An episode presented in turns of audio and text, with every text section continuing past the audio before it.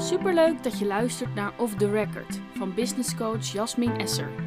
Dit is de podcast voor freelance journalisten en schrijvers over de pieken en dalen van het freelance leven.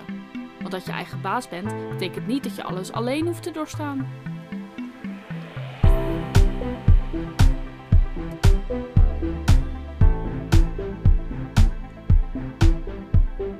Deze keer ben ik de gast bij Thea Thijssen. Als ik aan Thea denk, denk ik aan BN'er-interviews. Dat doet ze namelijk al 20 jaar. Ze deed honderden interviews met bekende Nederlanders. Voor bladen als Beaumonde, Vriendin, Fabulous Mama en Veronica Superguide. Ze doet nog meer. Zo is ze nu ad-interim-chef van Hallo Magazine van de Jumbo. En ook eindredactieklussen. Ze redigeerde bijvoorbeeld het boek van grafinfluencer Eloïse van Oranje. Het hoofdonderwerp eigenlijk van deze aflevering, of waar ik het heel graag met jou over wil hebben, zijn die interviews met BN'ers. Wat je dus al ja, heel lang doet.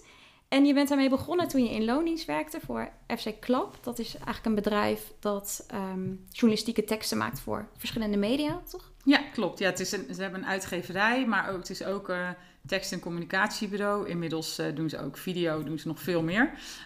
maar toen ik er uh, kwam werken, inderdaad, um, schreven ze gewoon voor heel veel publiekstijdschriften en heel veel RTV-gidsen, radio- en tv-gidsen. Ja.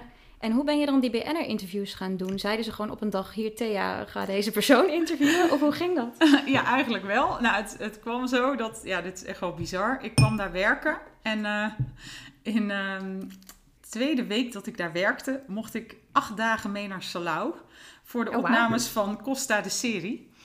En uh, ik mocht zelfs een vriendin meenemen. en ik moest dan uh, voor heel veel verschillende bladen daar artikelen voor schrijven. Dus um, ja, ik weet het nu allemaal niet meer, maar voor de Yes was het toen. En uh, volgens mij ook voor een krant en voor wat tv-gidsen. En ik zat dus meteen, uh, zeg maar in week twee dat ik daar werkte, interviewde ik meteen half acterend Nederland, zeg maar. Van Michiel Huisman tot Daan Schuurmans en van Vrouwtje de Bot tot Georgina Verbaan. En uh, ja, dus zo ben ik eigenlijk ingerold. En ja, ik heb echt het, het interviewen van BN'ers, toen, ja, ben ik toen heel veel gaan doen. En ik heb het echt, het schrijven van die interviews heb ik ook echt daar geleerd. En uh, ja, dus, ja, dus zo eigenlijk. Ja, dus het was eigenlijk een snoepreisje wel. Ja, Viel met je neus in ja. de boter daar. Ja, Want- zelfs in die ja. eerste week, of in die tweede week van mijn werk, meteen ruzie gemaakt met mijn baas. Oh jee. Want ik moest iedereen interviewen. En Katja Schuurman, die mocht ik niet, want die wilde hij doen. Oh, En daar heb serieus? ik toen ruzie over gemaakt. Nou, ruzie is een groot woord, maar voor iemand die net komt kijken en net de tweede week mee is, had ik best wel, stond ik best wel besteven. Maar het is me niet gelukt. Nee, hij heeft het maar gedaan? inmiddels heb ik haar wel meerdere keren mogen interviewen. Ja. Dus eh, dat is goed gekomen. Ja, precies. Want als je al twintig jaar dit doet, dan heb je denk ik elke BN'er bijna wel een keer gesproken. Ja, niet? ja, bijna wel. Ja. ja, inmiddels zijn er natuurlijk weer heel veel nieuwe BN'ers bij. En daarvan heb ik heel veel niet gesproken. Maar soms noemen mensen, gaan dan mensen opnoemen. En dan denk ik, ja, ja, ja die heb ik allemaal wel. Ja, soms Ja. zit je bij een programma te kijken en dan zitten ze aan een tafel. En dan denk ik, ja, ik heb vier van de zes mensen die daar aan tafel zitten gesproken. Ja, ik weet niet of dat een soort verdienste is, maar soms is het best grappig. Ja, want Ja. heb je dan ook nu een soort netwerk onder BN'ers? Of ken je ze ook echt persoonlijk goed? Of is het toch Ja, dat- interview en doei? Ja, dat wisselt heel erg per persoon. Dus sommige is het gewoon interview en doei. en andere is het dan, vooral nu met social media, die ga je dan ook terugvolgen op Instagram bijvoorbeeld. En dan reageren ze ook op dingen. Maar dat is echt niet bij iedereen zo. En dat, dat hoeft ook helemaal niet. Maar als het soms wel zo is, omdat die klikker was, dan is het heel leuk. En als je dan daarna ook nog vragen voor een persoonlijk project, dat is ook wel eens gebeurd. Dat is ook heel tof. En ehm, ja, dus dat, dat wisselt onwijs per, per, ja, hangt van de persoon af. En die allereerste keer, vond je dat meteen leuk? En vond je het ook spannend misschien? Ja, hartstikke spannend. ik weet nog dat een van mijn eerste grote BN'er-interviews was met eh, Chris Segers. Ja, we hebben het, mensen hebben het over 2001, hè? Oma vertelt. Sommige mensen denken nu, wie is Chris Segers? nou, Google maar even. dat Nee. ke- kennen mensen wel, toch? En eh, dat was in het Blauwe Theehuis in het Vondelpark. En dat vond ik echt wel spannend. Maar dat ging toen eigenlijk heel goed. En was echt heel leuk en heel gezellig. En eh, ik weet nog dat hij na het interview, dat hij maar echt... eh, Er was al e-mail, mensen. Er was al e-mail. er waren mobiele telefoons. Maar hij belde mij op de vaste lijn van kantoor. Oh. Ik kreeg echt van, van onze assistenten, die zei echt... eh, Thea, ik heb Chris Segers voor jou.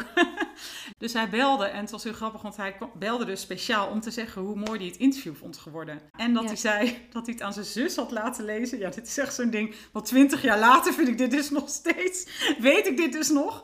Dat hij zei, ja, ik heb het aan mijn zus laten lezen. En die zei, eindelijk iemand die jou begrijpt. Nou ja, dat, daar, heb ik, nou, daar poch ik dus nog steeds mee, dat hoor je. Ja, nou, dat is ook een groot compliment, toch? Zeker als het zo voor zo'n eerste interview was. Ja, ja, ja. Ja. ja. ik had dus wel meer in BN'ers geïnterviewd, Ja. maar dit was echt de eerste grote die ik Ja. toen mocht doen. Dat weet ik nog van een groot verhaal. En nou, eh nou thee, ga jij maar, weet je wel zo. Dus het lag je ook wel meteen. Je was er ook wel goed in. Mm, ja bl- blijkbaar. Dat mag je best over jezelf zeggen, toch? Ja. Ja. Want ja, mij lijkt het best wel moeilijk ook om BN'ers te interviewen. Ik heb het heel sporadisch gedaan. Een tijdje geleden, nog een maand toevallig, voor het magazine van de Ziggo Dome. En ja, ik ben dan op zo'n moment heel bang van dat ik dan hele saaie vragen stel. En dat zij zich dan verveelt, omdat het een beetje voorspelbaar is. Omdat ze natuurlijk zoveel interviews doen. Oh. En eh, het was telefonisch en ik had ook het idee dat ze in bad zat. Want ik hoorde zo water af en toe. Dus ik dacht, oké, ik weet niet of dit nou zo, dit- of dit nou echt mijn ding is. Je gaat zeg geen maar. naam noemen, denk ik. Of hoorde ik. Ja, Maan. Ja. Was, ja, het was een heel leuk gesprek hoor. Maar ik ben dan Ja. zelf gewoon onzeker Oh, ja. van Oh, echt? ja, of Oh. mensen dat dan, ehm, of BN'ers ja, het leuk genoeg vinden. Oké. Want hoe, hoe vind jij dat? Hoe, hoe krijg je mensen Ja. zover dat ze toch loskomen? Of... Ja, ik heb niet zo... Die, die, wat jij voelt, dat heb ik niet zo. Maar dat komt misschien door eh, dat ik er al zoveel heb geïnterviewd. Ja, hoe doe ik dat?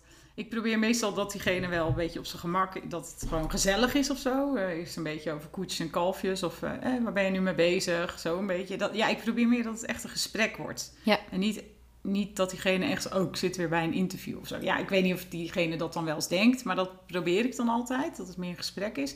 En ik vertel ook wel eens gewoon dingen van mezelf tussendoor. Dat echt met uitwerken denk ik dan nou tegenwoordig heb ik zo'n heel goed transcriptieprogramma. Maar toen ik nog wel zelf uitwerkte, dacht dan gaat ze weer. Dan Oh, hoorde ja? ik mezelf dan een stukje lullen. Maar het werkt meestal wel. Ja. Dan zei ik iets, eh, vertelde ik iets randoms over mezelf. Nou ja, Ja. randoms, op dat moment was het, deed het er toe. En dan zei ik, maar en hoe doe jij dat dan? Hoe pak jij dat aan? Of heb jij dat ook wel eens? Of zo. En dat, ja, dat werkt meestal heel goed. Het is niet zo dat ik het bij elk interview doe. Maar ik gebruik het wel vaak. Vooral als ik denk, hm, ik moet hier even... Ja. Ja, hier zit wat meer en ik krijg het er niet uit of zo. Maar ja ik, ja, ik laat ook wel eens dingen liggen hoor. Dat ik dan terugluister en denk, hé, hoezo ging je hier niet op in? Ja, dat heb ik ook. Dus ja, ik probeer het eh, op die manier aan te pakken, maar het werkt niet altijd. Hebben, hebben de BN'ers er altijd zin in? Of merk je ook wel dat ze al het zoveelste interview aan het doen zijn? Nee, natuurlijk hebben ze er niet altijd zin in, maar de meeste zijn gewoon professioneel. En daar merk je het niet aan. Want meestal ja, weten ze zelf ook wel dat ze iets moeten geven. De, ja, Ja, dat snapt iedereen wel. het hoort ook een beetje bij hun vak Ja, misschien. dat. Ja, dat hoort bij een vak. Dus ook al denk ik dan, ze draaien nu eh, misschien eh, een beetje hun praatje af of zo. Ja, dan probeer ik toch dat ze nog iets anders vertellen wat ik nog niet heb gelezen. Ehm, Hoe doe je dat dan? Ja, hoe doe ik dat? Ja, door, door net een andere weg op te slaan qua vragen. Ehm, maar wat ik ook wel heb geleerd, is het zo dat als je je voorbereidt, heb ik tenminste, dan lees ik heel veel interviews door. Maar je moet ook wel bedenken dat degene die dat interview in, ik zeg maar wat, vriendin leest, heeft echt niet al die tien interviews met Jaap Reesema gelezen. Dus dat is het soms ook wel. Dan denk ik, ehm, ja, dit heb je misschien al vaak verteld, maar kun je toch nog even... Dus dan vraag ik er toch weer naar. En dan vraag ik wel, ja, dan ga ik er wel een beetje op door, zo. Maar is dat dan per se erg? Nee. Dat dacht ik vroeger altijd dat dat erg was. En dacht ik, oh nee, dat heeft hij daar ook al verteld. Maar nou ja, daar had ik het laatst nog met eh, wat journalisten, vriendinnen, vrienden over. En eh, die hadden ook zoiets van, ja nee, dat, zo werkt het niet. Je, ja, diegene, ja, dat hoort gewoon bij die persoon. En dat hij dat eh, meerdere keren heeft verteld, ja. Ja, dat, is gewoon zijn uit. verhaal ja, natuurlijk. Dat, ja. Ja. ja. En hoe bereid je het interview voor? Je leest dus heel veel, maar ga je misschien ook mensen bellen om die persoon heen, zeg maar, bekenden van die persoon? Of doe Nee, je dat, doe nooit? ik eigenlijk nooit. Nee, ik, ik weet wel dat van journalisten die dat wel doen. Eh, nee, ik heb dat eigenlijk nooit gedaan. Maar zou ik eens moeten doen? Misschien eh, komt er nog meer uit. Nee, ik lees gewoon eh, Gewoon heel veel lezen. Ja, eigenlijk wel. Ja. En verschilt het ook per opdrachtgever hoe je dan zo'n interview aanpakt? Ja, in die zin dat Fabulous Mama is echt um, ja, 6, 2700 woorden. Dus dan laat Zo, dat is wel lang. spreken Ja. leeglopen. Dit klinkt heel oneerbiedig, maar... Hoe lang mag- doe je dan over zo'n gesprek? Ja, ik probeer meestal hebben ze toch niet zoveel tijd. Dus dan zit ik wel. eh, ja, mijn normale interviews zijn zeg maar een uur. En dit is dan een uur en een kwartier. Dus ook weer Oh, niet ja. super lang. Het, ja. Maar dan gaat het meer over het hele leven van die persoon, zeg maar. Probeer ik elk facet wel een beetje aan te stippen, zodat je degene echt leert kennen. En bij vriendin was het voorheen ook wel zo dat het meer een... dat je degene moet leren kennen door het, het levensverhaal soort van. Maar sinds ehm, een aantal maanden zijn we daarvan afgestapt en eh, willen we juist meer...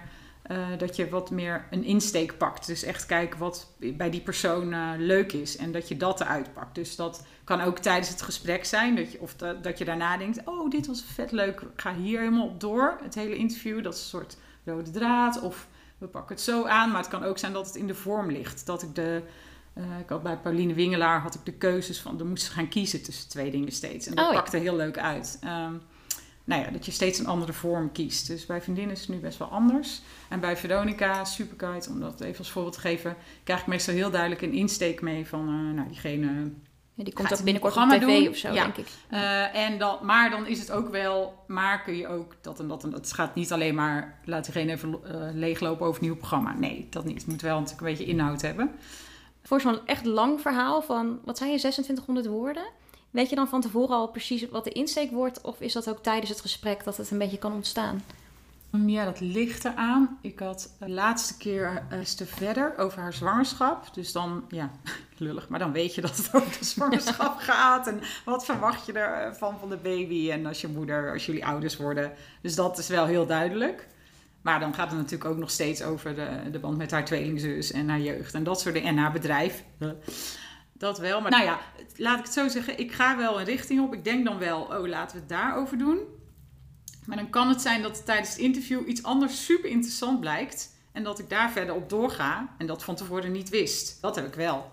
Daar moet je ook wel een beetje voor openstaan, denk Ja, ik, tijdens ja, het ja, gesprek. ja. Ja, dat Ja, je dat niet gewoon eh, Niet zo, met oogkleppen op je, Nee, je nee, vragenlijstje Nee. afwerkt. dat heb ik vroeger vast wel eens gedaan. Maar dat doe ik nu niet meer. Nee.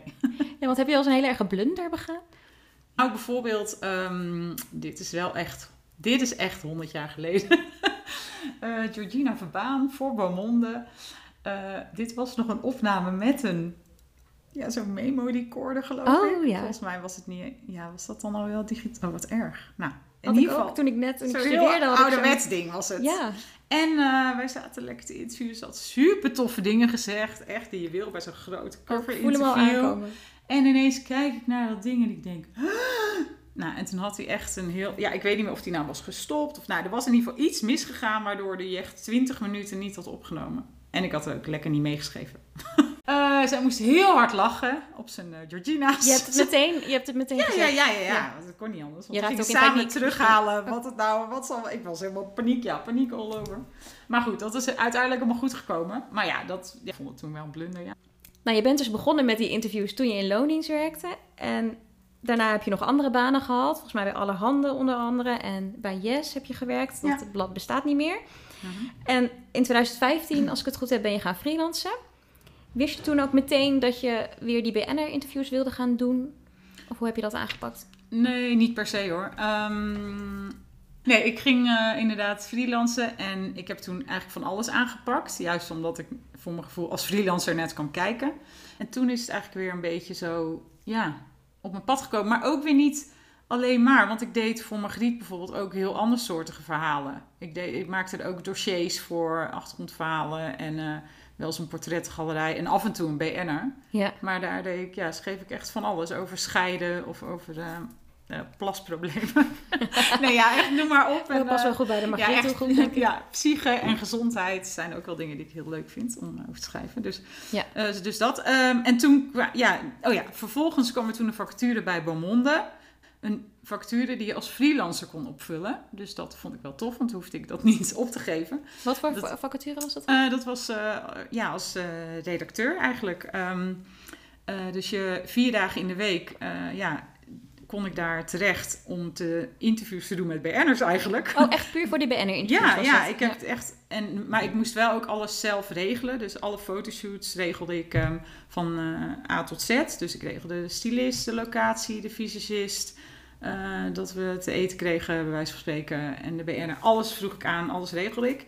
Superleuk. Dus toen heb ik echt ook heel veel interviews gedaan met BN'ers. Ja, Want het- toen was het echt alleen maar. Toen deed ik dat alleen maar. nou dit ja, was wel gewoon echt je, je grootste gewoon- Ja, en dat heb ik toen klus. twee jaar lang gedaan. En daarna ben ik toen weer gaan freelancen. Echt gaan freelancen. En toen, ja, toen was het wel logisch dat ik vooral ja, die BN'er-interviews, dat die wel bleven, zeg maar. Bij Vriendin was het zo dat ik daar begon als, ja, met andersoortige verhalen.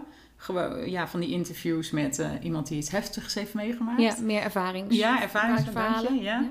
Ik had verschillende dingen en op een gegeven moment vroegen ze: Oh, wil jij eh, Remy Bonjaski misschien interviewen? Want, eh nee, ik weet niet waarom. Ja, of ik dat wilde doen. Ja, prima. Wie is En dat? toen- ik, ik, Oh, hij ik is ben een thuis. K1 fighter. Oh, voormalig K1 fighter. En eh, nou, die heb ik toen geïnterviewd en daar waren ze eigenlijk heel blij mee. Zeiden ze, zou je vaker voor ons de BN'ers willen doen? Ja, zo Ja. ging het eigenlijk. Ja.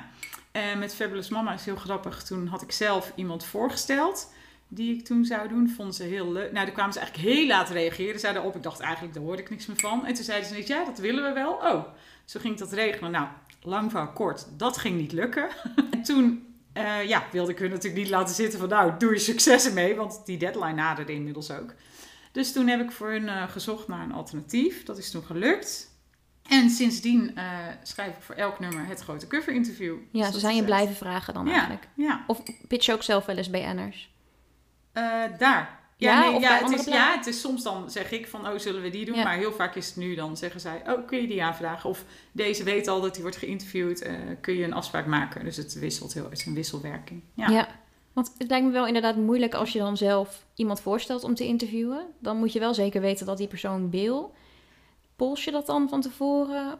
Eh, nee hoor, het, nee hoor. Meestal werkt het zo, vooral bij die bladen die heel veel BN'ers, BN-interviews hebben, dan is het meer dat je allemaal eh, bladen, allemaal namen eh, naar binnen gooit, zeg maar. En dan gaat de hoofdredacteur daar naar kijken en die zegt dan, nou, die vind ik leuk, die kun je vragen en die vind ik leuk voor het kerstnummer en die zo. En dan vraag ik ze aan. Ja. Het is niet zo dat je van tevoren al weet, oh, diegene wil. Nee, nee. Nee. Zeggen ze, ook ook, ze zeggen ook wel eens nee dan. Dus, Zeker. Ja. Ja. helaas wel. En, En heb je dan een speciale tactiek om, om ze toch over te halen? Of... Mm, Nee, als iemand nee zegt, is het meestal nee. Ja, of iemand moet echt een, een beetje het open laten. Dan, maar meestal gaat het via management. En ja, zegt Ja. diegene wel heel duidelijk waarom het nee is. Dus dat kan zijn omdat diegene dan niks te vertellen heeft. Of omdat diegene geen persoonlijke interviews meer doet. Of omdat diegene zich niet zo in dat blad ziet. Dat kan ook. Oh ja. Dus hij Ja. heeft heel verschillende redenen. Ja.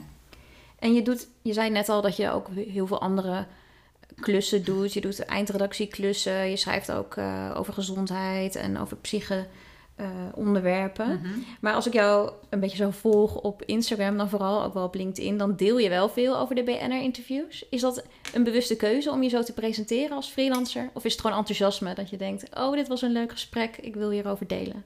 Op social media, op Instagram deel ik het meestal omdat ik het wel gewoon leuk vind. Inderdaad, enthousiasme van, oh.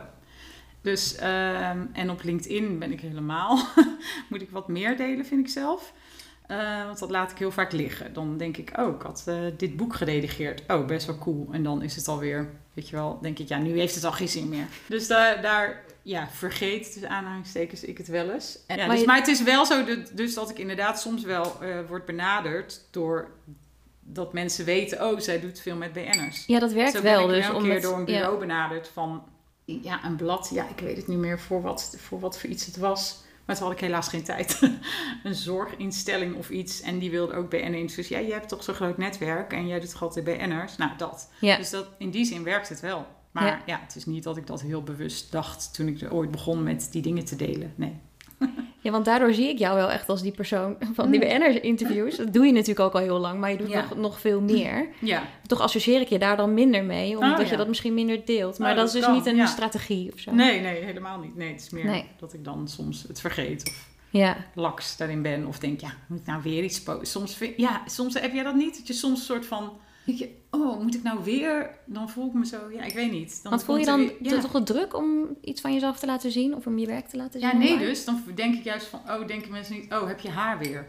ja, dat. Dus dat denk ik dan soms. Oh, Dus dan, en dat heb ik minder met stories. Of dat, maar op LinkedIn denk ik, dan wil ik er toch, denk daar liever wat langer over na of dan iets ga posten. En dan is het soms het momentum alweer voorbij. Oh ja, dit was leuk geweest. Ja. Ja, want je zei net, ik zou daar vaker iets moeten posten. Ja, Waarom dan? Ja da- omdat ik me niet zoveel moet aantrekken. Van, omdat ik wel bij anderen zie, denk van, oh ja, ja, oh, dat, is wel- oh ja, dat had ik ook wel kunnen. Ja. Maar omdat je dan denkt dat, je daar meer dat het meer werk gaat opleveren? Of wat is dan de reden dat je het toch wil? Ja, goede vraag. Nou, omdat mensen misschien eh, beter weten waar ik mee bezig ben. Ja. Dat jij denkt dat ik alleen maar BN'ers zit. Gewoon om, om een beeld van jezelf neer te zetten. ja, dat ik heel veelzijdig ben. Nee. Want heeft het voordelen, denk je, om je als freelancer zo te eh, presenteren van ik ben degene die de BN'er-interviews doet? Helaas zijn er heel veel mensen die BN'er-interviews doen, dus ik weet niet of dit dan het beste specialisme is. Ik denk wel dat, ja, het specialisme zoals jij het hebt aangepakt, vind ik het wel heel slim. Maar in mijn geval, ja, ik kan niet zeg maar leven van alleen de, van de opdrachtgevers met alleen de BN-interviews die ik heb, zeg maar. Dat wordt hem niet. Dus ik moet daarnaast gewoon nog andere dingen doen. Ja. Dus is het dan slim om je te... Ja, ik vind het gewoon slim dat je ook die andere dingen kan doen. Dus Ja, het is natuurlijk want- leuk dat ik me heb gespecialiseerd. Dat ik die interviews met BN'ers dan een soort als specialisme heb. Maar ik ben heel blij dat ik daarnaast ook... Weet je, ik, ik weet niet. Het is gewoon fijn dat je juist vaker dat soort andere dingen doet. Vind ik. Ja, financieel. Nee, nee. Of gewoon gewoon überhaupt ook dat ter je- afwisseling van je ja, werk. ter afwisseling van je werk. Ja, ja. Ja. Ja, dat vind ik nu ook. Dat ik inderdaad eh, af en toe eindredactieklussen heb of meewerk met een boek. En eh, dat ik nu eh, bij Hallo Magazine heel veel aan het werk ben. Ja, dat is ook weer afwisselend. En dan heb ik ook wel weer meer zin om weer die interviews uit te zetten. En wat misschien eerst meer een beetje routine bijna was. En nu denk ik, ja, kom maar op weer.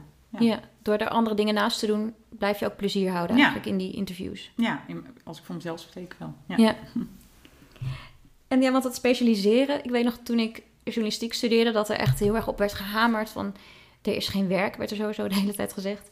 En dan zeiden ze ja, misschien dat je het nog wel gaat redden eh, in de wereld eh, van de journalistiek als je je specialiseert. Dus ja, ze zeiden echt dat je één onderwerp moest kiezen en daar dan helemaal voor moest gaan. En ik merk wel dat het inderdaad handig is. Ik schrijf nu bijvoorbeeld veel over werken en over geld. En ja, dat werkt heel goed, want dan krijg je al, ook meer klussen eigenlijk aangeboden die in die categorie vallen. Mensen weten je sneller te vinden. Mhm. Je kan sneller werken omdat je al veel weet over een onderwerp. Maar eigenlijk ging het ook min of meer toevallig dat ik dan dat ik over deze onderwerpen schrijf. Maar zou jij het aanraden aan jonge journalisten of aan mensen die net beginnen met freelancen om zich te specialiseren? Bij mij eh, zeiden ze dat toen eh, nog niet. wel Oh. volgens mij dat er Zeiden ze ook dat er geen werk was? Of zei, Ja, nee, was het toen nog positiever? Toen nog net, eh, ja. dat was toen nog net wat positiever, ja. Bij mij was het vooral van, je moet bij de Volkskrant werken. En als je bij de Telegraaf of bij een Glossy, dat was allemaal niks, weet je wel. Oh ja. Daar heb ik me niks van aangetrokken. ja, ik denk wel dat het eigenlijk wel slim is. Maar ja, ik vind niet dat je andere dingen uit het oog moet verliezen. Dus ik zou...